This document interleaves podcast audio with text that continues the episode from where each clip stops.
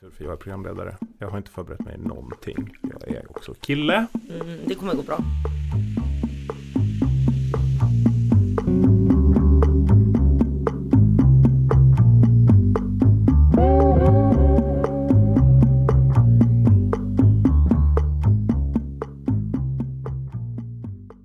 Hej och välkomna till kommentariatet. Det är Sveriges enda politiska podcast faktiskt. Jag heter Johannes Lunell och jag vill börja med att påminna er alla om att ni ska bli medlemmar i kommentariatets Facebookgrupp för vi vill ha tips på saker vi ska prata om i den här podden. Ibland tar idéerna slut helt enkelt och då behöver vi er som lyssnar. Där kan ni också ge feedback, säga om vi var dumma, smarta, kloka, roliga, helst roliga. Men så är det. Och där är Hån vi. tas också emot med varm hand. Ja, jag, jag uppskattar hån. Jag har humor. I likhet med Gud. Det får stå för dig.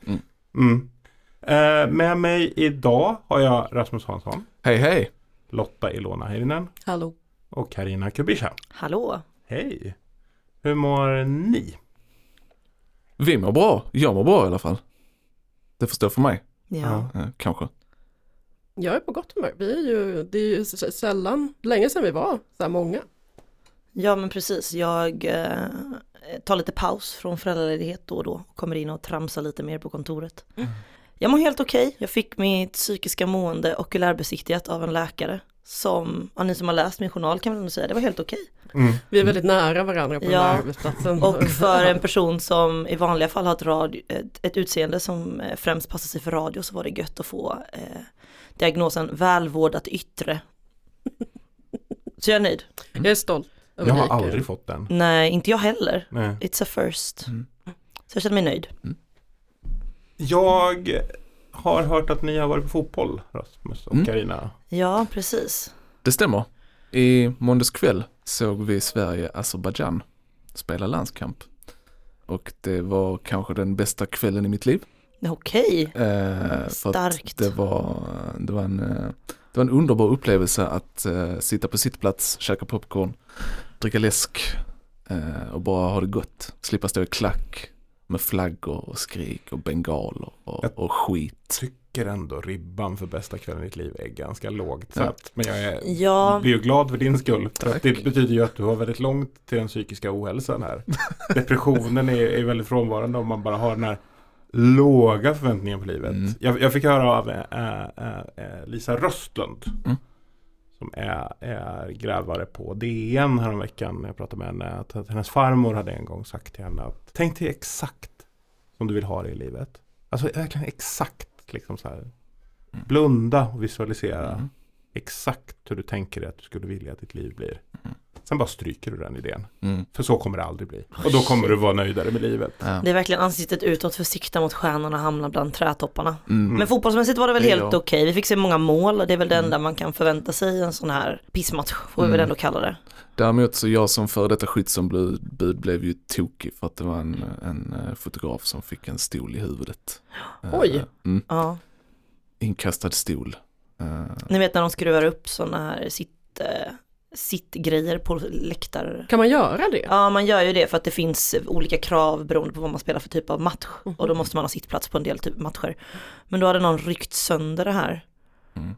Och eh, ja, det var en fotograf som Sula satt. in på en fotograf som fick den i bakhuvudet. Vad blev personen arg på som kastade stolen? Jag tror att det var tjafs, det var mycket så här luftrunk mellan då de svenska supporterna som satt i ena kurvan och den lilla då, men väldigt aktiva borta Mm. läktaren. Eh, Gjorde och då, ni luftrunken? Jag kan varken bekräfta eller dementera huruvida eh, vi delade ut eh, luftrunkar eller ej från vår sektion. Fotbollsmedia, välkomna. EM Portugal. Toppform hos grabbarna, bra tryck i buggarna. För en som aldrig har varit på en match, vad, vad är en luftrum? man höjer eh, sin, den hand man eh, använder, exempelvis om man har höger hand så höjer man högerhanden upp i luften och så gör man sitt lilla, Mm. ja, Som att hålla en shake weight liksom. eh, exakt. Ah, nej, Och så upp och ner. Just. Och så tar man lite, eh, vad ska vi säga, konfrontativ ögonkontakt också. Försöker man ha. Viktigt. Men det är viktigt att man har en ganska mjuk handled när man gör det. Det är det väl. Alltså- Är det här en instruktion? Alltså, nu börjar det balla ur. Mm, ja. Eh, låt oss Eh, hålla lite fotboll. Ja. Inget för reumatiker. Exakt. Men, men, men jag uppfattar det alltså som att ni var på stadion när det fruktansvärda hände. Ja, Alltså när Janne Andersson tappade humöret. Det är så tråkigt att höra. Om jag kommer hit och förlorar med 3-0, då fattar jag. Då, då får jag vara defensiv och prata. Vi vunnit med 5-0 så ska jag vara defensiv. Ni står fyra man och ska konfrontera mig med frågor. Men det var inte, Fy fan vad det har vi dåligt. inte gjort Janne. Tack för idag. Vi ses en annan dag. Hej hej. Det är vi. Tack Grattis. så mycket. Jan Andersson, förbundskapten och så lyssnar vi till kaptenen istället då. men precis, vi var ju på väg ut Mm. eh, och då eh, var det en i vårt sällskap som är väldigt snabb ut på de sociala medierna. Som bara oh my god, oh my god. Eh, nu har det hänt. Nu har topplocket gått. Mm. Så vi satt och tog upp, eh, rattade in via play på eh, telefonen i tunnelbanan och tittade på det därifrån. Och det var ju eh, häpnadsväckande scener, får man säga. Fotbollens svar på Palmemordet. Verkligen. Har aldrig någonsin har en nation varit så himla liksom samlad kring en och samma händelse förut. Typ. Inte under min livstid i alla fall. Men vad känner ni då? Gud, jag kände, för, första var ju ändå att jag kände förtjusning, Mm. okej. nyfikenhet, Mm. kul att det händer något. Men sen är jag ju också en föräldraledig Bromma-mammis som Lotta gärna påminner mig om. Jag saknar ju liksom nerv eh, väldigt mycket i min vardag. Men eh, vad sjukt kände man. Oj, Mm. vad sjukt att det här hände. Mm. Min, min enda take är att jag tycker det är märkligt att ingen i studion backade Bojans rätt att ställa den frågan. Vad var Eh. frågan? Frågan var ju, handlade om Jesper Karlsson och hans speltid. Han har spelat åtta minuter på två matcher. Eh, Och det tyckte Bojan var märkligt. Vad, vad är du mest nöjd med? Nej, jag är inte nöjd med någonting. Det Inte är någonting? helkast. Ja. Vi skulle ju spelat Jesper Karlsson i tio minuter till så hade alla varit nöjda. Det är så tråkigt att höra. Och det Jesper Karlsson är en ung så här, talang, Mm. ny i landslaget, uh, up and comer. byttes in och gjorde mål direkt. Eh, och då tappade Janne fattningen. Och alltså så här, om man inte är inkörd så här, fotbollsfanatiker så det i matchen som någonstans kan få honom att känna sig lite orättvist behandlad är ju att ja men folk har väl eh, tyckt att Janne är lite trött. Det har varit mycket så hashtag Janne out, byt eh, förbundskapten och hit och dit. Och så vinner han med 5-0 och båda bytena han gör i andra halvlek, offensiva byten, han- båda de gör mål och då känner han sig som en riktig tränarking. Mm. Som man ju gör när saker och ting går i lås. Och så, så Ja, där har man ju varit. blir han ju inte smekt medhårs. Och det gillade han inte. Nej. Men var det uppenbar rasism? Alla tittar på mig undrar varför. Nej men jag får väl gå på Irena Porsches linje lite. Du har representerat 10 miljoner människor. Men vad är, Och du har representerar pappa någon som är yngre Vad än dig. representerar du? Sverige såklart.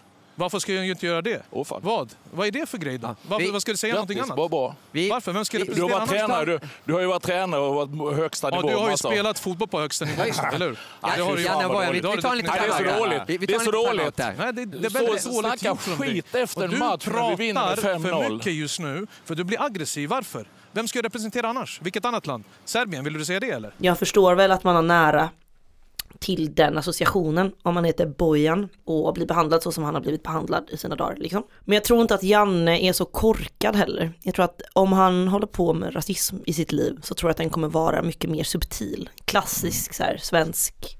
Som att inte byta in han Jesper, Mm. Vad han nu heter. Ja, ja precis, klassisk rasism. Nej men att den skulle aldrig ge sig till uttryck på det direkta Nej. sättet. Det är väldigt osvensk rasism och Mm. Janne Andersson är ju mycket men osvensk är han då rakt av inte. Nej. Så är det. Det Så. får vi ge honom. Det får vi ändå ge honom. Mm. Det störigaste nu är väl egentligen att alla ska ha en het take. Det räcker nu. Som jag hade. Nej, nej, nej, nej. Din take var ju mer bara så här. Kan de backa sin kollega och inte Mm. vara såna jävla fegisar. Mm. När krisen och kriget kommer. Då står Freddy Ljungberg och håller snattran och ser livrädd ut. Exakt. Och honom ska vi inte ha i frontline, Nej. det är en sak som är säker. Du har flyttat till Stockholm, typ. På deltid. Ja, Jag lever ett dubbelliv. Konstaterade vi igår. Ja, drömmigt. Fast utan att vara otrogen. Shoutout madame. Shoutout madame. Ex Exakt. Exakt. Och eh, för att återkoppla lite till podden för två veckor sedan. Där jag pratade om att Stockholm äter korv. Så käkade jag korv häromdagen. på stående fot. Assimilerad. Mm. Det, gick går fort. snabbt, det går snabbt nu. Shit. Har redan börjat kika på bostadsrätter på, på Södermalm. Börjat på SFS. Exakt. Svenska för skånskar. Exakt. Nej men, eh, ja det går snabbt ut för nu. Det blir snabbare och snabbare en del av klägget. Det finns framförallt i Stockholm det som jag beskriver som ett klägg. Ett klägg av människor som går runt och kindpussar varandra. Hur går det? Har du börjat nätverka? Nej, det har jag inte gjort än. Eh, tyvärr. Eh, men det kommer väl automatiskt, tror jag hoppas jag. Mm. Eh, jag hoppas att någon av er kanske kan ta mig i hand. Jag tror jag måste börja gå på mingel mer. Jag tror att jag ska försöka boka in mina resor upp hit när det är mingel av olika slag. Eh, så att jag kan bli en del av klägget. Det känns som att det är mitt mål liksom, med, med min tid här. Hur lång tid tror ni det tar för mig? Innan midsommar. Ja men det tycker jag. Mm. Alltså Det till känns som en rimlig midsommar, till midsommar så har det nog introducerats till lite nytt. Ja, Mm. alltså, alla kommer tycka att din truckförarbakgrund är så exotisk och spännande. Så, ja. Men, men din assimilering sträcker sig alltså än så länge till att du har ätit korv. Mm. Men jag tycker väl ändå det är ganska bra jobbat. Ja absolut. Mm. Men det är inte så att du sitter liksom och suktar efter att åka tunnelbana. Åka tunnelbana. Tåget har rullat in på Centralen och min lyckliga treåring vrålar det jag känner. När vi kryssar genom stressgången tänker jag sorgset att det här är det vackraste jag vet och det berövar jag min son. Nej, jag tycker fortfarande inte att tunnelbana är varmt och mysigt. Som det finns vissa andra som tycker. Eller varmt är det ju. Men jag vet inte om det är så mysigt. Det är lite mer klaustrofobiskt i så fall. Än vad det är mysigt. Ja, men om du skulle sätta upp Stockholm mot Malmö nu då, för den konflikten finns ju här. Mm. Vad är din spaning? Min spaning i konflikten mellan Malmö och Stockholm. Min bästa spaning är väl att det är skönt att Göteborg återigen lämnas utanför. Eh, och att det är liksom ingen som bryr sig om Göteborg. Det tycker jag är väldigt skönt. Eh, och att det finns liksom, det finns ingen beef mellan Malmö och Göteborg längre. Det finns ingen beef mellan Göteborg och Stockholm. Utan det var härligt att eh, Kristina Lindqvist blåste upp beefen mellan Malmö och Stockholm igen. Hur gjorde hon det? Hon skrev en text i DN Mm. om att det är ovärdigt att inte bo i Stockholm typ. Jag har också mer eller mindre frivilligt flyttat till glesbygden, även om en del kallar denna glesbygd för centrala Malmö. Poängen är att Sverige har en enda riktig stad och att jag inte längre bor där. Så blev det svar på det från Sydsvenskan. Lad mig vara tydlig. Madhandlen på omkring Mollevångstorget, Konsthallen och Operan. Hip och intiman. Restauranter där det smakar mer än det kostar. Den magnifika Pildammsparken. Så att eh, beefen är igång. Jag tycker att det är gött med Kristina Lindqvist någonstans. Alltså för att hon, hon är ju väldigt en väldigt intersektionell varelse. Så, alltså det, det är så här, hon, hon har analysen på sin sida. Hon är PK-tanten i DN. Alltså så hela vägen. Alltså det är antirasismen, det är feminismen, det är alltså hela paketet. Hon har ju till och med bosatt sig i Malmö. Nej men hon hatar ju lantisar och hatet är genuint. Så länge jag har känt henne så är det som att hon har fått, alltså när hon fortfarande bodde innanför tullarna så var det redan då så att hon fick något vilt i blicken om någon ens liksom lyfte någonting som skedde utanför liksom Stockholms innerstad. Ni måste förstå, hon är ingen villig kolonisatör. Så, det, det är liksom, hon, hon har flyttat dit mot sin vilja och hon, hon, hon mår inte bra utav det. Jag, alltså jag är förvånad över att den här texten kommer först nu. Men så vad gör, vad gör Kristina i Malmö? Hon lever med en man. Ja, ja, ja, ja, okej, ja, sorry. Den klassiska fällan. Ja. Leder en i fördärvet i Skåne. Men jag tyckte ändå att den var ganska snäll. Alltså så här, jag tyckte ändå den fokuserade hennes text väldigt mycket på att, att hon kände sorg. Över att inte få åka tunnelbana. Ja, eller liksom hon var typ så här lite nostalgisk. Det kan man väl ha förståelse för. Absolut. Har du åkt tunnelbana Rasmus? Jag har åkt tunnelbana. Hur var det? Eh, jo, det var bra. Jag åkte till Söder igår. Det var bra. Det funkar bra. Det var det. Det här är inte New York!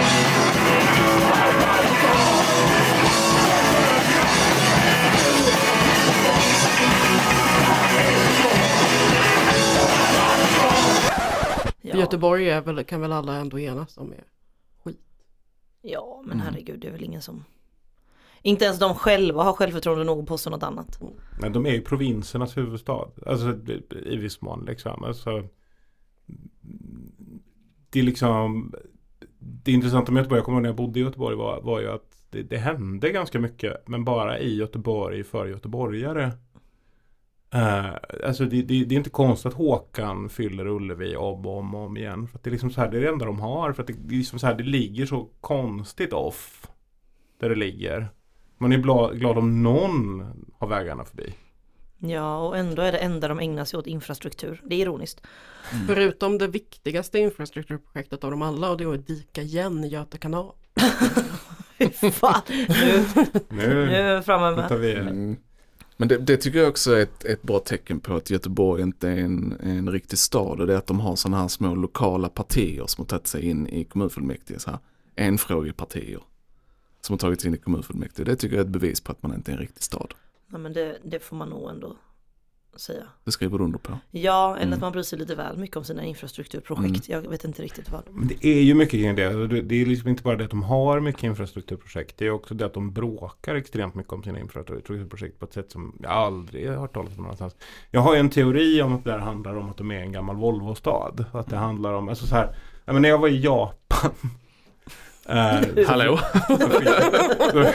så fick jag lära mig att väldigt mycket i den japanska identiteten handlar extremt mycket om att alltså för att vara en god nationalist i Japan så måste du konsumera, men du måste konsumera japanska produkter. Alltså så här, när jag var där, det, det, det är väl 15 år sedan eller något sånt, liksom, då var det liksom som att det hade uppstått en ny ungdomsrörelse utav människor som så liksom inte ville jobba heltid. De ville inte börja jobba samma dag som de gick ut från universitetet eller från gymnasiet. Och de, de hade minskat sin konsumtion istället för att gå ut och supa så satt de på McDonalds och tog en kaffe och sparade sina pengar för att kunna resa. Och den äldre generationen bara tittar på dem, vad fan håller ni på med? Ni är inte kloka. Alltså, ni, fan, hur ska det gå för Sony om ni inte köper en stereo? Hur, hur ska det gå för Toyota om ni inte kör bil? Hur ska det gå för Sapporo om ni inte dricker starköl? Alltså, det, det, var så inbyggt i kulturen på något sätt. Liksom, att, att, det var ett sätt att skydda Japan att vara en god japan. Och jag tänker på något sätt så har jag fått för mig att alla de här infrastrukturprojekten, varför det är så jävla jobbigt i Göteborg är för att de är så tätt förknippade med Volvo.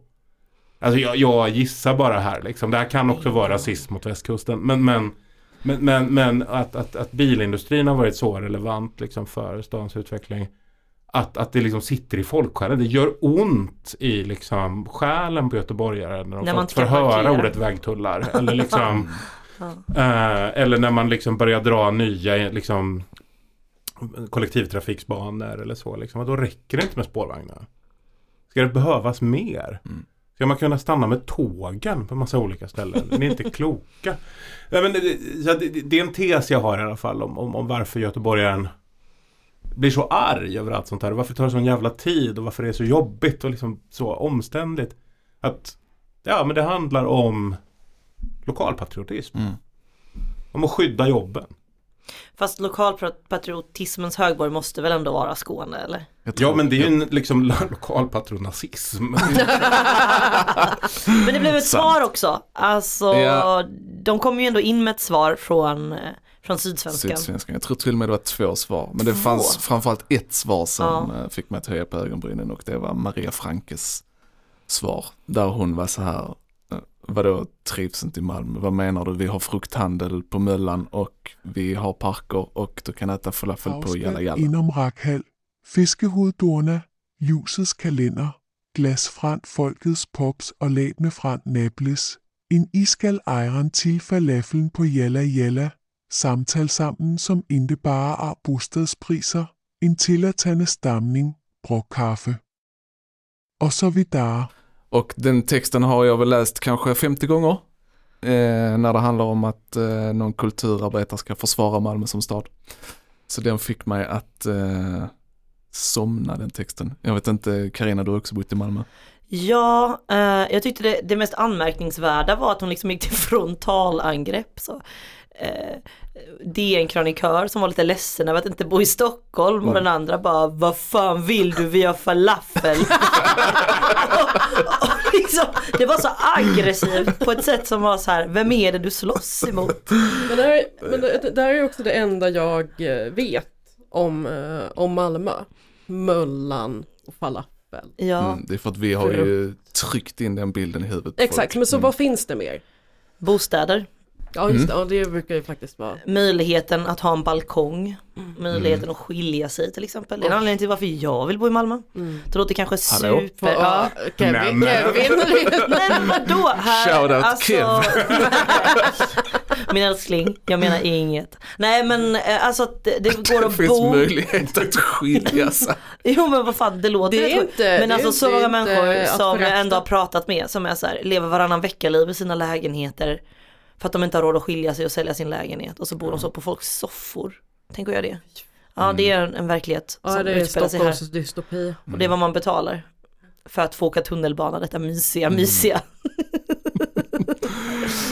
och få mingla med klägget. Mm. Nej, men finns det, finns ju massa grejer men framförallt finns det ju bara en stad eh, som är ganska liten och ganska mysig och ganska tillgänglig liksom. Mm. Men den tillgängligheten bygger väldigt lite på Jalla Jalla. Det handlar mest om, som du brukar säga Rasmus, Amfetamin. Mm, tillgängligheten för smålänningar som Mm. kommer ner och behöver bli förtjusta av någonting. Exakt. Som Ja, det är väl det som är mest exotiskt att ni har en stockholmare. Alltså Kristina Lindqvist, för det är väl mest smålänningar i Malmö. Mm, Ja. mycket. Jag är en sån Carina, utflyttad smålänning, Ja. nästan ett decennium i Malmö och på väg tillbaka. hängde mycket i Folkets park. När du bodde i Malmö. Ja, men det har nog ändå blivit en del. Men det är trevligt, det är mycket Mm. det så kultur. fel? Nej, det är mycket, det, det, mycket som är kostnadsfritt där för folk. Mm. Men är det så jävla trevligt? Jag tycker Ja. att det är lagom trevligt. Ja, men det, det, det är många år sedan jag var där mycket, men mitt intryck då var ju att det var väldigt, väldigt många så eh, taniga män med mörka ringar under ögonen. Som liksom stod och kom till Malmö för helvete. Är det Henrik Jönssons gamla gymnasiekompisar Nej, nu? nej, det- Ja men liksom så här. Ja men så här att alla tjejer jag kände där var ihop med minst en amfetaminmissbrukare. Eh, med grava psykiska problem. Minst en liksom under den tiden man kände dem. Eh, och att det liksom var en grej. Det var Du liksom, får det att låta som att det är något negativt. Nej det är väl bra med det klasslösa Det samhället. finns ju lite olika kategorier män som tjejer ska tröska sig igenom. Bland Mm. annat en sån här och typ en skejtare. Ja men det är lite sådana liksom. Eh, och jag tycker det är lite kvinnohat. Att, eh, Tråkigt. att, Att, att, kritisera, kritisera våra livsresor. Ja, man ska kyssa en del grodor innan man hittar sin prins. Eh, och eh, där tycker jag att Malmö ändå eh, fyller en funktion för svenska kvinnor. Eh, Ja absolut, jag håller med dig. Och det, det, det är liksom, men, men, men, men, men det är lite som att vara svensk kille i London. Och det har jag aldrig varit. Nej, men det, det, det, det, nej, men det är lite samma sak. Alla pratar liksom om, om alltså, jag hängde en hel del i Svenska kyrkan i London. Eh, för att det var Gud, det här, oj. vart, vart för, är det här nej, men för att det var en sån här mötesplats där man liksom så här, folk gick, svenska, alltså svenskar som var där för att jobba, gick Mm. dit för att leta efter liksom så här kontakter, jobb, lägenheter, alltså eh, bara liksom ha ett nätverk, få dricka Som en lite fysisk kaffe. Facebookgrupp, svenskar i London. Ja men typ, det här var ju innan Facebook. Mm, det, det här var ju, jag vet, det var till och med nästan in, innan internet. Liksom. Det fanns internetcaféer förstår ni. Men Abstrakt. då, då var det, det var det en, en, en kvinna som jobbade där som sa, ja det är så lustigt för att det är liksom så märkligt här för att killarna de åker liksom hem och tjejerna de blir kvar. Och jag tyckte inte det var det minsta konstigt för att det är så här mottagandet i London. Skillnaden i mottagande mellan att vara svensk kille i London och svensk tjej i London var så extremt. Alltså i liksom hur det faktiskt behandlades där. Jag tänker på att det är lite samma sak i Malmö. Va? Du, du tar alltid avstamp så långt bort från, från det du ska landa i. Ja, det är den svenska kyrkan Ja i exakt, Malmö- jag i sitter här. Ja. Ehm, nej, men du har väl säkert rätt i den analysen. Ja. Eh, att vi behandlar män och kvinnor lite olika i Malmö. Till skillnad från övriga samhället, framförallt. Stockholm där som är väldigt, väldigt om- omfamnande och omhändertagande. Mm, älskar Det är väl, Stockholm är väl ungefär lika vidrigt mot alla i och för sig. Ja. det- Ja, men det, det är väl det som är härligt med Göteborg. För där blir ju vi killar jävligt väl mottagna. Förstår ni? Vi har andra Långgatan. Det är Mm. bara att drapera sig helt i denim. Va? Skaffa sig en mustasch. Mm. Intressera sig för wrestling. Det är sånt de håller på med i Göteborg. Det är härligt. Det är killarnas stad. På riktigt. Ja. Göteborg är killarnas stad. ja. Gud vad mysigt. ja men framförallt så är väl Malmö inte heller så jävla defensivt som den här Franke-personen. På, alltså ingen bryr sig i Nej. Malmö. Så att det blev liksom Nej. som att hon borde haft den goda smaken att bara inte skriva den texten. Så kände Mm. jag. Att bara så, låt henne böla. För att en malmit hade sagt så här, ja men böla då, flytta om det inte passar. Ja. Så hade en malmit svarat. Mm. Och att sitta där och bara så, vi har Kungsparken. Det är så jävla töntigt. Ja, det är det, är så small dick energy Ja, som en malmöit aldrig skulle ha. Det, det är också ett, ett, ett väldigt så här, det, det, det blir väldigt mycket klängig stämning istället för en skön neggning. Mm. Och, och jag har alltid upplevt Malmö som en neggarstad. Exakt. Det är inte en klängig stad. Det är ingen som fjäskar för dig när du kommer dit. Du, du kommer inte Vem har tid? det, det kommer inte någon och visa dig en tid. Folk i Malmö har hur jävla mycket tid Men som helst. inte Men inte för det. Nej. Man har tid för att liksom gå längs med, vad fan heter det, Amiralsgatan eller vad det nu heter. Fy fan vad mörkt att gå på den. Ja, Men absolut. Två efter Nobelvägen. Helt väck på på tjack. deppiga, deppiga icke-promenadspråk. Efter det kanske man kan ta sig en tur på Norra Gränges. Fy fan. Bara Nu strosa blir det runt. smalt där Lotta, Ja. men det är inga trevliga promenadstråk som beskrivs. Eh, Ja men det, det är liksom, det är sånt ni gör i Malmö. Ja, men det är nu. min bild Ja. utav det i alla Mm. fall. Jag har sett Henrik Möllers filmer, jag vet vad som händer där. Kontentan i det här är väl det. Det är en, en stad som kör the game på sin omvärld. och det funkar. Mm. Ja. Och alla det. skiter i Göteborg. Ja, och det är det bästa. Yes. Killarnas stad. Feminism. Lotski. Välkommen till Göteborg Till ett glittrande glatt Göteborg Eh, arkitektupproret har ju korat eh, Sveriges fulaste hus igen.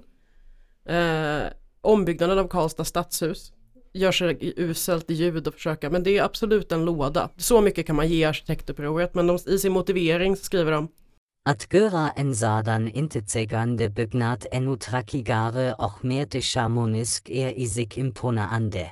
Nästan lika imponerande som att FA fasadmaterial i trä att se ut som en gammal betongfasad alla järn och bull efter olyckan. Det är så grovt. Det, det finns en formuleringsglädje här som Mm, jag det gör ändå vill eh, lyfta och säga att jag uppskattar så mycket. Ja men ett gott hat, de har ju också mottot eh, det finns alternativ till fyrkantiga lådor. Jag det är är bra. lika starkt. Nej det är inte lika starkt som Låter det som finns alternativ till Tjernobyl. men, men min fråga då med tanke på hur hus, eh, hus byggs, finns det verkligen alternativ till fyrkantiga lådor? En kille som heter, eh, som jag så, kanske egentligen borde ha koll på, jag vet inte men som heter Daniel Ek som twittrar och la ut en tråd om så här gamla klassiska arkitekturbråk och då kallas bland annat Kungliga Operan i Stockholm för, eller kallades på 1800-talet när det byggdes för en, eh, en trave uppstaplade cigarrlådor. Eh, Kungliga slott Efter Tjernobyl. Eh, Precis. För. Kungliga slottet är ju också känt som, eh, som skokartongen Mm. eh, bland människor som jobbar på Kungliga slottet. Eh, säkert bland vissa turister också. Men alltså det finns ju ingenting mer klassiskt i svensk arkitektur tänker jag än lådformen och ful barock. Ja, det mest älskade är ju funkis som per definition är en låda. Mm. Men arkitekturupproret skulle ju inte skriva under funkis, eh, funkisvurmen. De vill ju, deras mål är ju att bygga i mer klassisk stil och det här har ju Hens Göteborg då, det här har Göteborgspolitikerna, eh, politikerna, inte minst Socialdemokraterna, nappat på. Så att arkitekturupproret har liksom numera en politisk falang i sossarna i Göteborg. Det är så roligt ändå att det är den änden man väljer att börja i Göteborg. Man har massa bostadspolitik man skulle kunna ägna sig åt. Jag kan citera eh, ska vi se, vad, Johannes Hulter, kommunalråd eh, S i Göteborg. Han säger så här, folket ska bestämma, inte någon expert, oavsett hur många högskolepoäng man har. Och så säger han också vidare, vi vet vad människor tycker om. Det är väldigt tydligt i undersökningar och när du tittar på kötider och priser. Eh, en, eh, han blev, fick också en fråga från en journalist om det, om det är rätt att politikerna sätter sig över arkitektkåren. Ja, det tycker jag. Vi lever i en demokrati där folkets företrädare har det sista ordet. Och jag, jag, jag ändå två saker jag ändå vill flika in i, i, i, i, liksom, i populistfesten. Här. Det är när i modern svensk historia har var, vare sig en politiker eller en arkitekt haft sista ordet i någon ny planerad byggnad i Sverige överhuvudtaget. För jag tror att svaret på det är noll. Det finns alltid en fantastisk politisk plan på ett nytt projekt och så finns det alltid en, en orutinerad arkitekt som drömmer stort, lämnar in de här planen till kommunens tjänstemän. Kommunens tjänstemän säger det här får inte kosta mer än så här för att annars så måste kommunen dra ner på äldreomsorgen eller på skolorna och det typ vill ingen. Så ni får bygga den här plåtlådan. Och så blir det plåtlådor. Mm. Utom i den här, vad är det, Skellefteå som har fått en ny simhall. Som Mhm. drog iväg och fick kostade dobbla. Så nu är det kris och panik. Kan man Just det. kolla Men är det tinnar och torn? Ja, precis. Jag vet Det inte hur det, det snygg den är men det det är skit, det är lika, det är en bassäng per capita. men eh, jag tycker det är väldigt intressant vilka stora växlar han drar. Ja, Eh, handlar det här om ett, liksom, Det ett kommunalt diplomatiskt. bostadsbolag? Det, det gör, det väl, eh, gör det väl bitvis. Jag tror, jag tror att det var några nybyggen som arkitektupproret också hade lyft fram som jättefina och som eh, då inte minst eh, en tjej som heter Kajsa Söderström som är byggnadsingenjör och twittrare tycker ser ut som Disney-hus.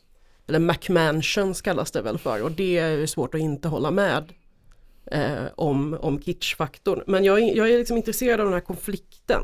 Liksom. Är arkitekterna Sveriges sista expertvälde som ställer sig över folket? Jag gillar tanken om det. Är arkitekterna den djupa staten kanske? Nej jag vet inte. Jag tycker att att professionen får säga sitt och göra sitt jobb är väl fan det sossigaste vi har. Vad håller de på med? Lyssna på professionen. Det har väl alltid varit sossarnas melodi? Eller? Är det den fackliga skolningen som brister här? Ja. Slår jag ett slag för att gå en facklig introduktion på ABF? Men hur, ser, men, men, men, hur skulle, men hur ser en drömstad ut? Hur, hur skulle er drömstad se ut? Tinnar, torn, hur många borgar? Men Jag, jag har ju varit i den här stalinistiska förorten till äh, Krakow. En gång som byggdes på Sovjettiden. Den var för jävla fin. Allting var överdimensionerat, allt var lådor. Eh, det bodde inte nog med folk där. Alltså så här, men det gick spårvagn ut. Var det så här fasaderna var svarta av sot för att allting uppvärms fortfarande med, med Nej, men- men det, det jag tänkte på var att allting såg ut som entrén till en, en gammal bank. Mm. Så, överallt. Eh, så, att, så att de visste ju att pråla. Och det var ju häftigt, men det, det så här, funktionen var ju totalt frånvarande. Så, att, att, så kan man inte leva. Ja, men det, det låter härligt. En stad helt utan funktion. Ja. Det tycker jag låter mysigt. Alltså bara leva i ett stort clusterfuck. Mm. Gud, Stockholm. Och ja, Hallå? ja, eller hur? Och det är så himla ironiskt för Stockholm var väl liksom tänkt som någon form av ABC-stad. Mm. Ingenting skulle vara längre än 15 minuter bort. Där är vi då rakt av inte idag. Det funkade ju sådär. Nej men precis, men ja jag vet inte. Du tog avstamp liksom i någon sån här eh, supercool stad. Eh, jag är uppvuxen i Växjö. Mm. Eh, där var det ganska mycket blandad bebyggelse. Och mellan eh, hyreshus och villor så fanns det skolor. Så det var så här accidental klassintegration. Det tycker jag är en ganska bra grej. Så Karina Accidental klassintegration Johannes post, postsovjetisk Blade Runner Mm. Rasmus Ja, men, Och du får inte svara Malmö på den Nej, här. men då... Då då säger jag oxie. nej, men Det är inte okej att någon av er ska leva i era egna utopier. Jag Det vill leva i mexitegel. Mexitegel. Shoutout till Rent Svenonius. Nej men eh, en väldigt opraktisk stad vill jag leva i. Där man bara låter idéerna flöda fritt. Ingen, ingen, eh, ingen funktionalitet överhuvudtaget. I ett gränsland mellan kreativitet och entreprenörskap. Det låter som att du skulle kunna vara fullständigt välkommen in i arkitekturupproret faktiskt, med den inställningen. Gärna. För att deras visioner är ju faktiskt helt befängda. Såg ni den här som också Kajsa hade lagt ut på, på Twitter. När de, när de hade så här, vår arkitekt har visat hur postkontoret eller så här, någon byggnad skulle kunna se ut istället. Och har ritat ett eget förslag. Då hade de bara photoshoppat in en byggnad från Seattle. Mitt på. Men jag har, jag har bara så här, det, det är väl svårt att hitta något mer tacky än att försöka bygga någonting som efterliknar någonting gammalt. Ja.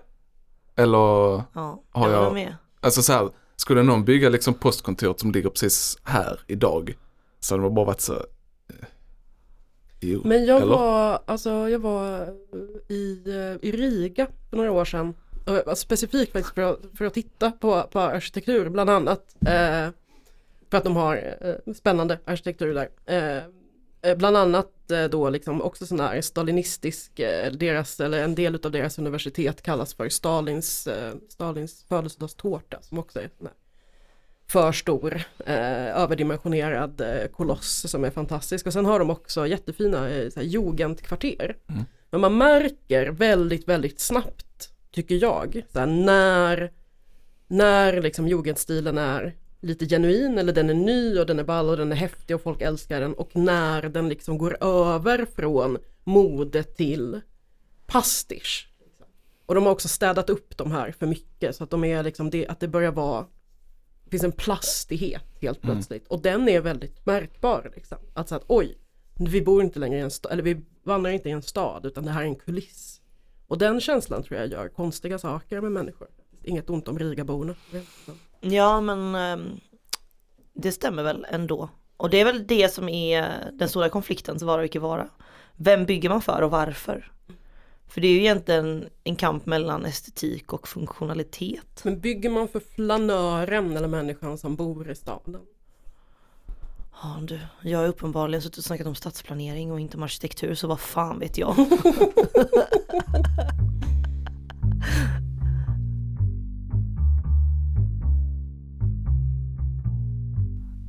Ja, och, och, och, och med de orden så slår vi ihop lådan för den här gången. Vi är tillbaka om två veckor antar jag. Då har vi hunnit fira påsk.